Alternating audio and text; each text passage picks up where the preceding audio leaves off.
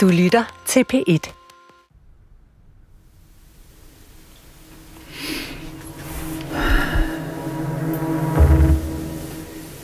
Det er 5. maj 2021. På kontoret sidder Nete igen med telefonen foran sig. Men den her gang ringer hun ikke til Philip Graham. Ja. Nete ringer i stedet til sin søn Jesper. Jeg ringer altså til Jesper i aften, fordi det her, det kan ikke blive ved. Og da han så hører om det, så siger han, mor, hvorfor i al verden har du ikke kontaktet mig før? Jeg fik det her desperate opkald fra min mor, eller måske mere sørgelige opkald. Opkaldet startede med, øh, Jesper, jeg tror virkelig, at jeg har lavet en stor fejl. Jeg sagde, okay, lad os, lad os uh, prøve at unpack det og forstå, hvad det betyder. Jesper bor i England og arbejder selv i finansverdenen. Så da Nete begynder at fortælle sin historie, bliver Jesper ked af det, men ikke specielt overrasket. Nu har jeg arbejdet i en meget stor bank i meget lang tid og har, har set, hvor meget snyd der har været i den finansielle verden, og hvor meget det her fraud er en industri i dag. Så det var sådan ikke usandsynligt for mig, at det her kunne ske. Han siger, at det her det er helt galt. Du skal sørge for at få alle dine kreditkort spærret, og computeren, det er ikke sikkert, at du nogensinde kommer til at bruge den igen, men den skal i hvert fald ned og renses en gang til. Så det, jeg, jeg sætter mig om aftenen og lukker alle mine kreditkort og nem idé og det hele. Nete beslutter sig nu for at politianmelde Q-Tech. Hun vil have Philip Graham stoppet. De har lokket mig til at investere noget, de har ikke, overhovedet ikke til hensigt, at jeg nogensinde ser de penge igen. Og det mener jeg altså ikke er, er lovligt i dagens Danmark. Hvad hun ikke ved på det her tidspunkt er, at hun langt fra er den eneste, der oplever at blive svindlet af Q-Tech. Rundt om i både Danmark og Sverige vælter det ind med politianmeldelser mod Q-Tech. Men politiet i Danmark laver ikke en samlet efterforskning af de mange anmeldelser, og de får heller ikke blokeret Q-Techs hjemmeside. Hun går til politiet og får ingen hjælp. Faktisk får hun at vide, at der er jo ikke rigtig noget, de kan gøre. Og blandt andet fordi Q-Techs investeringsunivers ikke bliver blokeret, kan Philip Graham og Q-Tech fortsætte deres aktiviteter, ikke bare i måneder, men i årvis, uden at nogen stopper dem.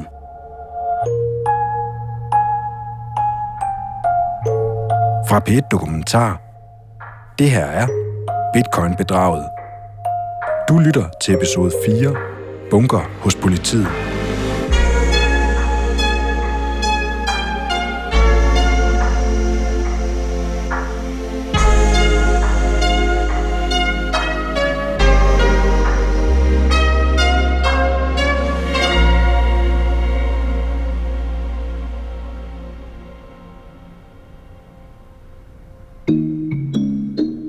London prøver Netes søn Jesper nu at følge sporet efter sin mors penge. Til at begynde med skulle hans mor overføre penge til Q-Tech via TransferWise, men det galt kun de første 75.000 kroner. Langt de fleste af pengene, tæt ved 200.000 kroner, bad Philip Nete sætte ind på Coinbase, som faktisk er en anerkendt investeringsplatform for kryptovaluta. Og herefter skulle pengene ifølge Philip blive synlige på Netes Q-Tech-konto. Men da Jesper med sin mors kodeord logger ind på Coinbase, kan han se, hvad der i virkeligheden er sket. Det første, jeg gør, det er, at vi logger ind på Coinbase-kontoen. Vi ser, at der kommer for eksempel 100 dollars ind på kontien. De penge, som Nete har overført, bliver ført videre i små portioner til en række anonyme konti. Og så ser vi, at inden for meget kort tid bliver de 100 dollars splittet ind i mindre portioner, så at sige 10 dollars ad gangen, og de bliver så sendt videre til nogle andre, som man jo ikke kender. Netes søn kan med andre ord se, at når Nete overfører penge til sin Coinbase-konto, så bliver de ikke ført videre ind på Netes Qtech-konto, som Philip påstår. I stedet bliver det hurtigt sendt videre i andre retninger. Pengene er kommet til Coinbase, og de er så blevet sendt videre til, jeg går ud fra andre konto, som var i Qtex kontrol. Og på Netes egen Coinbase-konto står der dermed et rundt 0. Hvad tænker du så, der er sket med de penge herfra? Det gav mig nok mere sådan tro på, at øh, det var ikke i min mors bedste interesse, hvad der var sket. Nete sætter sig nu foran computeren på det lille kontor og skriver sin anmeldelse til politiet. I den beskriver hun i detaljer, hvordan en mand ved navn Philip Graham fra investeringsplatformen qtech.io har udsat hende for et bedrageri over flere uger. Politiet sender kort efter en kvittering for anmeldelsen. Men 11 dage senere får Nete et brev fra politiet med dårligt nyt. En politikommissær skriver nu, at han har besluttet at stanse efterforskningen. Helt præcis skriver han, vi vurderer efter den indledende efterforskning, at der ikke er en rimelig formodning om, at der er begået noget strafbart. Det kan jeg slet ikke acceptere. Det kan jeg ikke. De tager den her sag og lukker den med det samme. Og jeg siger, at det kan jo ikke være rigtigt. Både min bror og jeg står uforstående over for det, og foreslår, at hun går videre med det. Uh, mest fordi hun, er, hun føler sig stadigvæk snydt og, og ærgerlig, og har det ikke rigtig godt sådan, uh, med, at hun er blevet snydt.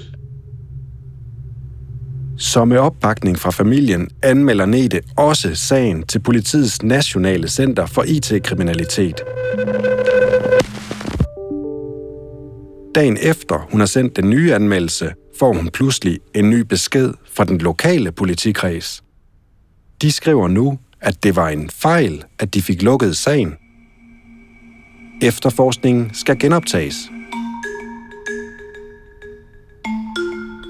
Det her giver Nete et håb om, at hun måske alligevel kan få nogle af de tabte penge tilbage. Men den næste måned hører Nete ikke mere fra politiet. Derfor skriver hun og hendes mand igen til politiet og spørger, om de ikke er interesseret i de mange timers lydoptagelser, som Nete har lavet med Philip. We need to open the withdrawal channel for Coinbase, okay? Just send my money back, Philip. I get it. I swear, you're the most ignorant and stupid person I know. I swear. You should to be ashamed of yourself. You're the most ignorant lady that I have met in my life. Nete tænker nemlig, at optagelserne kan bruges som et vigtigt bevis i en eventuel retssag. I am listening on a lady on the other side of the phone that is acting like a five-year-old from Denmark that, oh, somebody took my lollipop. Where is my lollipop? I don't have my lollipop. Jeg havde en eller anden naiv opfattelse af, at det kunne da være, at de kunne bruge noget af det, eller om ikke andet, så kunne de se på, hvordan er det egentlig, de virker. De arbejder. Fordi en ting er, hvad folk de fortæller, ikke, men en anden ting er at høre det. det. Det er jo ligesom, hvis man som historiker får forskellige typer kilder, ikke altså. Man danner sig et billede ud fra, hvad man arbejder med. Men dagen efter får de en mail tilbage. Politiet er forløbig ikke interesseret i Netes lydfiler. De har decideret sagt at de ikke er interesseret i. Så det at sige nej til en, til en lydkilde, hvad synes du om det som historiker? Jeg synes, det var mærkeligt. Det var dumt.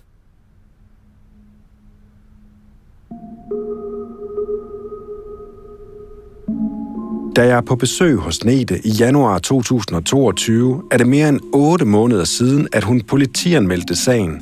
Men hun er stadig ikke blevet afhørt af politiet, og Qtex hjemmeside er stadig ikke blevet blokeret. Jeg forstår ikke myndighedernes passivitet overfor, at intetanende borgere, eller dumme borgere, hvad man, alt afhængig af, hvad man vil kalde sig selv, når man hopper på den, ikke? at de ikke kan få hjælp, når man den ene gang efter den anden prøver på at, at gøre opmærksom på, at her er altså en mulighed for, at man kan blive snydt. Ikke? Man kunne da i mindste gøre noget for at lukke i Danmark.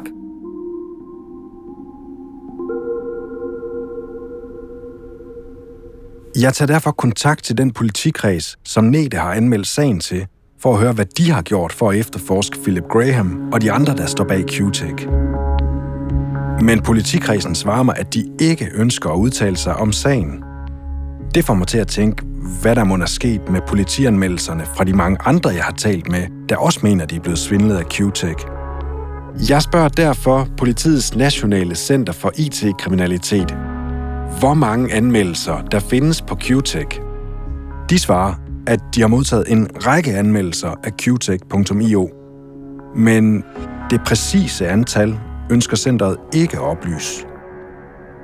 Derfor begynder jeg nu selv at kontakte de 14 forskellige politikredse, som dansk politi er opdelt i, for at spørge, hvor mange anmeldelser af Qtech de hver især har modtaget. Nogle politikreds vender tilbage til mig og skriver, at den type information er tavshedsbelagt, og derfor kan oplysninger om antal sager ikke udleveres.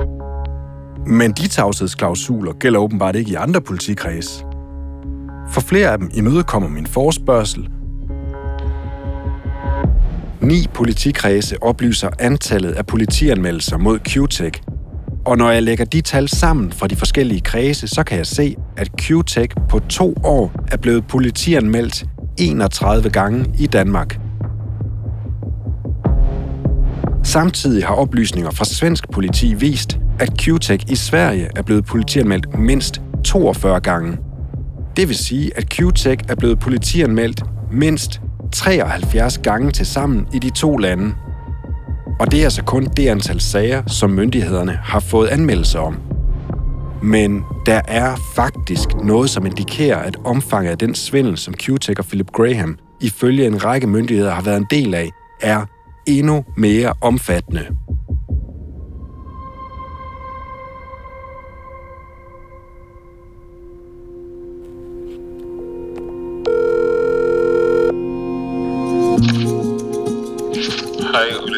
Ole. Morning. Hej, Kenton. Fra St. Vincent i Karibien fortæller min kollega Kenton Chance om hans tur ned til den store kontorbygning, hvor Q-Tech officielt er registreret. I did knock at, on several of the offices and I went in and I asked and the staff had not heard about the company. So Philip Graham or Q-Tech is not in that building. You can say that for sure. I can say that for sure that they are not located in the first St. Vincent Bank building in Kingston, St. Vincent and the Grenadines. At undersøge de steder, hvor QTech har officiel adresse, giver altså ingen spor efter, hvor Philip Graham reelt sidder og ringer fra. Så min svenske journalistkollega Markus og jeg lægger en ny plan. I et fælles dokument begynder vi at notere alle de navne, som Q-Tech-repræsentanter bruger, når de ringer og skriver til deres såkaldte kunder. Og i takt med, at vi gennemfører flere og flere interviews med mulige ofre, vokser antallet af navne. Til sidst der sidder vi tilbage med et dokument, hvor vi kan se, at navnet Philip Graham er bare et navn ud af mindst 18 forskellige navne, som Q-Tech-medarbejdere har brugt alene i Danmark og Sverige. Og i dokumentet foran mig er der især et andet navn, som skal vise sig at blive rigtig interessant i jagten på, hvor Q-Tech opererer fra. Bag det navn er en person, som en række danskere og svenskere har været i kontakt med. Navnet er Ross Matthew. Og manden, som bruger det navn, lyder sådan her. I understand from your story how you feel. Okay? I Yes, understand you feel uncomfortable, correct? very. Det her er en telefonsamtale, han har med Nete den 21. maj 2021. As I said, I'm not gonna ask you to do anything that you don't want to do. Please talk to me. Yes, Please yes, yes, me. yes, yes, said yes, I do. Okay. Nete sidder den her dag og taler med Ross Matthew, fordi hun er blevet sendt videre til ham af Philip Graham. Over for Nete har Philip Graham introduceret Ross Matthew som sin overordnede. Og Ross Matthew fortæller nu Nete, at han vil hjælpe hende med at redde trådene ud, så hun kan få sine 275.000 kroner tilbage. I promise you, I'll do my best to help you. Men det viser sig, at Ross Matthew til sydenladende har samme mål som Philip Graham. Can you click on your trading account? For at hjælpe Nete skal hun nemlig give ham adgang til sin netbank. Can you log into the bank as well? Matthew er meget insisterende og vil have, at Nete gør præcis som han siger. Men Nete afviser at følge hans ordre om at logge ind i netbanken. Og Netes tålmodighed med Q-Tech slipper nu op. Did you hang up the phone? Yes, I did hang up the phone because I'm sick of Why? So why the fuck don't you do what I'm telling you to do? Shut Because anyways, if I don't want you to see your money, you wouldn't see. it, Shut up. Shut up. Yes. Can you go fuck yourself, please? Can you go fuck Now yourself? stop. Den her mand, der kalder sig Ross Matthew, er interessant. For navnet viser sig at have lidt af en forhistorie ifølge internettets mange stemmer. I en tråd på en investeringshjemmeside med vrede kundeanmeldelser finder jeg frem til, at en Ross Matthew allerede tilbage i 2019 beskyldes for at deltage i regulær svindel. Men det sker angiveligt som rådgiver for en anden investeringsplatform end QTech, en med navnet FX Leader, der er mange kilder også beskyldes for at være et svindelforetagende. I 2020 dukker en Ross Matthew så til Sydlandet op i en ny sammenhæng. Det sker nu som rådgiver for investeringsplatformen Incenter. Og igen bliver Ross Matthew på nettet beskyldt for at svindle de kunder, som han havde lovet at hjælpe med investeringer. Og i 2021 dukker navnet Ross Matthew så op igen, nu for tredje gang i vrede kundeanmeldelser på nettet, og den her gang som stærkt kritiseret rådgiver hos QTech. Og ifølge vores research har han været i kontakt med QTech-kunder i både Belgien, Sverige og Danmark. Det ligner et mønster. Dr. Ross Matthews, yes, we spoke two days ago. Jeg undersøger derfor også de andre navne, som vi i vores research har kunne knytte til QTech. Her kan jeg se, at yderligere to QTech-repræsentanter, præcis som Ross Matthew, også ser ud til at have arbejdet for både FX Leader og Incenter, før deres navne bliver knyttet til QTech. Jeg slår derfor op, hvor Incenter og FX Leader officielt er registreret. Og her kan jeg se, at de begge, ligesom QTech, har officiel adresse på St. Vincent i det karibiske hav. Og ikke nok med det. Infcenter har faktisk adresse oven på banken First St. Vincent Bank på James Street i Kingston. Den nøjagtige samme adresse som QTech. Der er altså en række ting, der ser ud til at forbinde de tre forskellige investeringsplatforme.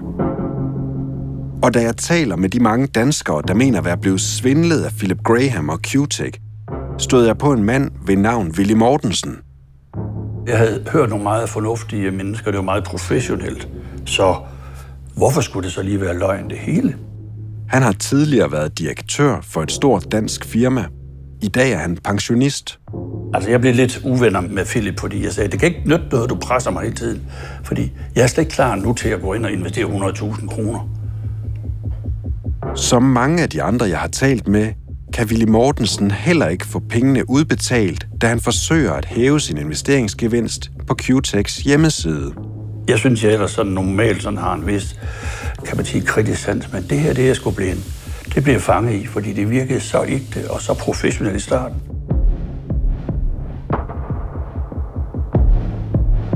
Efter at jeg har talt med Willy, så sender han mig de mailkorrespondancer, han har haft med medarbejdere hos QTech om at få sine penge retur. Og her opdager jeg, at en af de mails er sendt fra en person, hvis mailadresse er tilknyttet Infcenter, selvom han kontakter Willy for at hjælpe ham med QTech-investeringen. Så Willis historie er igen med til at forbinde QTech og Infcenter. Og det her får mig til igen at finde de dokumenter frem, vi har modtaget fra svensk politi. Og her viser det sig, at personer og mailadresser fra Infcenter dukker op i flere politianmeldelser omkring det påståede bedrageri, som QTech angiveligt står bag.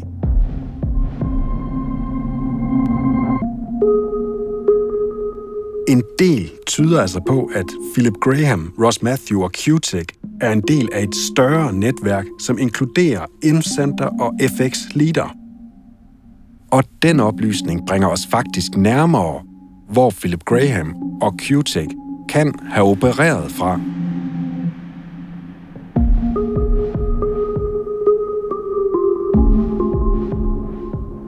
I Sverige går min kollega Markus i gang med at undersøge, hvem folkene bag FX Leader og M-Center er. Og undervejs i hans research på nettet finder han flere kilder, der navngiver et konkret callcenter, der har skaffet kunder til FX Leaders investeringsplatform. Men callcenteret ligger hverken i Karibien eller i London.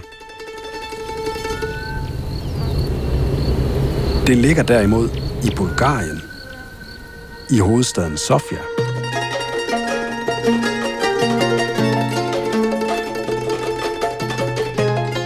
Og faktisk viser den research, Markus har lavet, at en hel del unge bulgarer har arbejdet der. En af dem er ham her. I believe when I started, we were like 40 to 60 people. I'm not sure. I've never worked in sales before. It was my first uh, job in sales. Manden, du hører her, finder min svenske kollega Markus, da han søger efter tidligere ansatte i callcenteret. My work was getting clients into the firm. It was FX leader.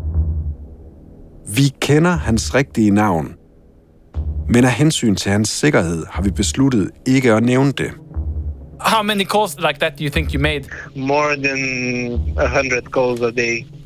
They have clicked on some sort of clickbait advertisement.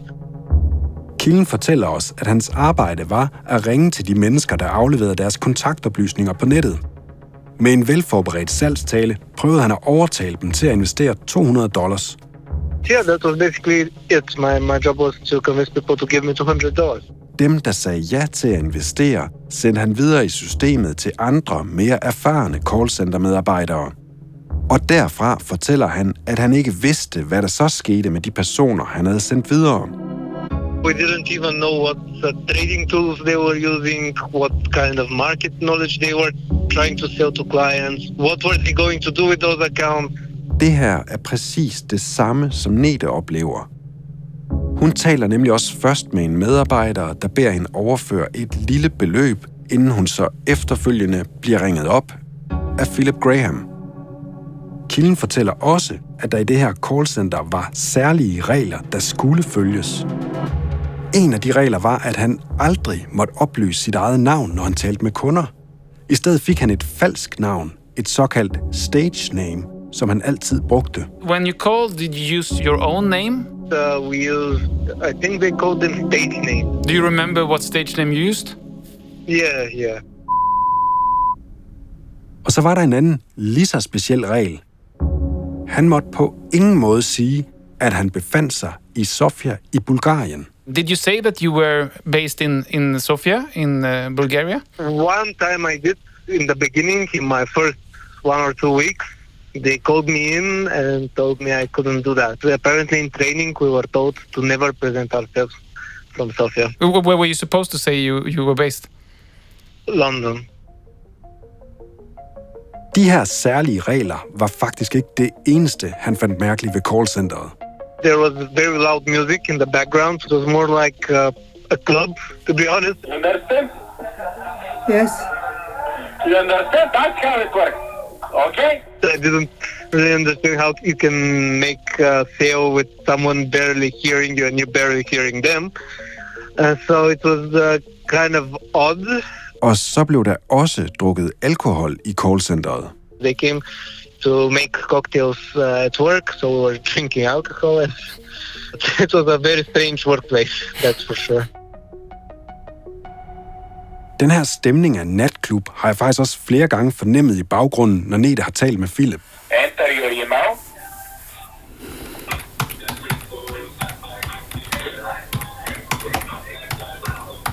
Move on, Nete. Nete, Yes. are you here? Let's go.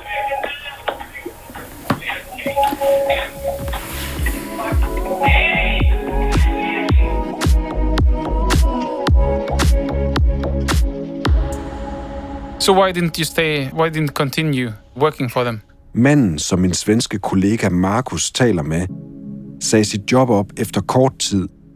Ifølge ham selv, fordi han fornemmede, at der var noget fishy ved callcenteret. Og derudover var han ikke særlig god til at overbevise kunderne om, at de skulle lave den første lille investering på 200 dollar. I just didn't perform as well because I just couldn't convince people. Men det var der andre, der kunne, og en af dem brugte navnet Ross Matthew, fortæller kilden. Altså samme navn som den mand, Philip Graham stillede Nete videre til. I think we end this your dirty game now because it won't go anywhere. Dirty game. Yes, it is Listen, a dirty if you offend me one more time, if you offend me one more time, I wish you a bad I'm day. just gonna get Goodbye. the He was uh, the top performing account manager. I've barely spoken to the to the person who he wasn't very Mm, he wasn't hanging around the sales uh, team. Markus spørger også kilden fra callcenteret, om han kender til Philip Graham og kan identificere, hvad han i virkeligheden hedder. Men det kan han ikke.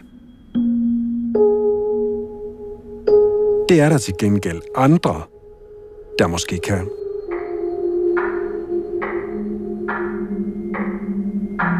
Det er den 6. oktober 2021, da politiet stormer et callcenter i Sofia. Callcenteret mistænkes for at have spillet en hovedrolle i et stort netværk af bitcoin-svindlere.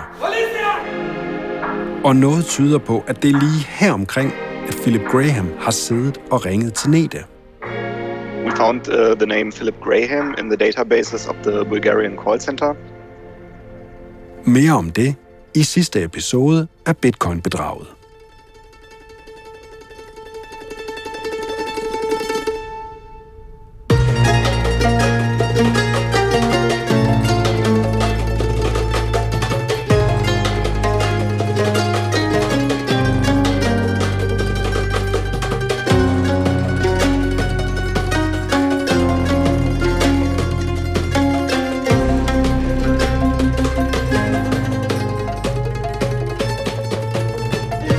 Sagen om QTech er lige nu under efterforskning.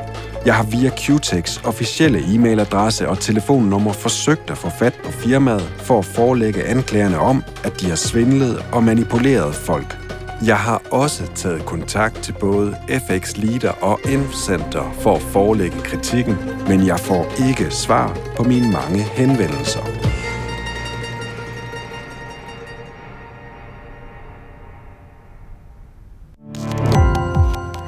Gå på opdagelse i alle DR's podcast og radioprogrammer. I appen DR Lyd.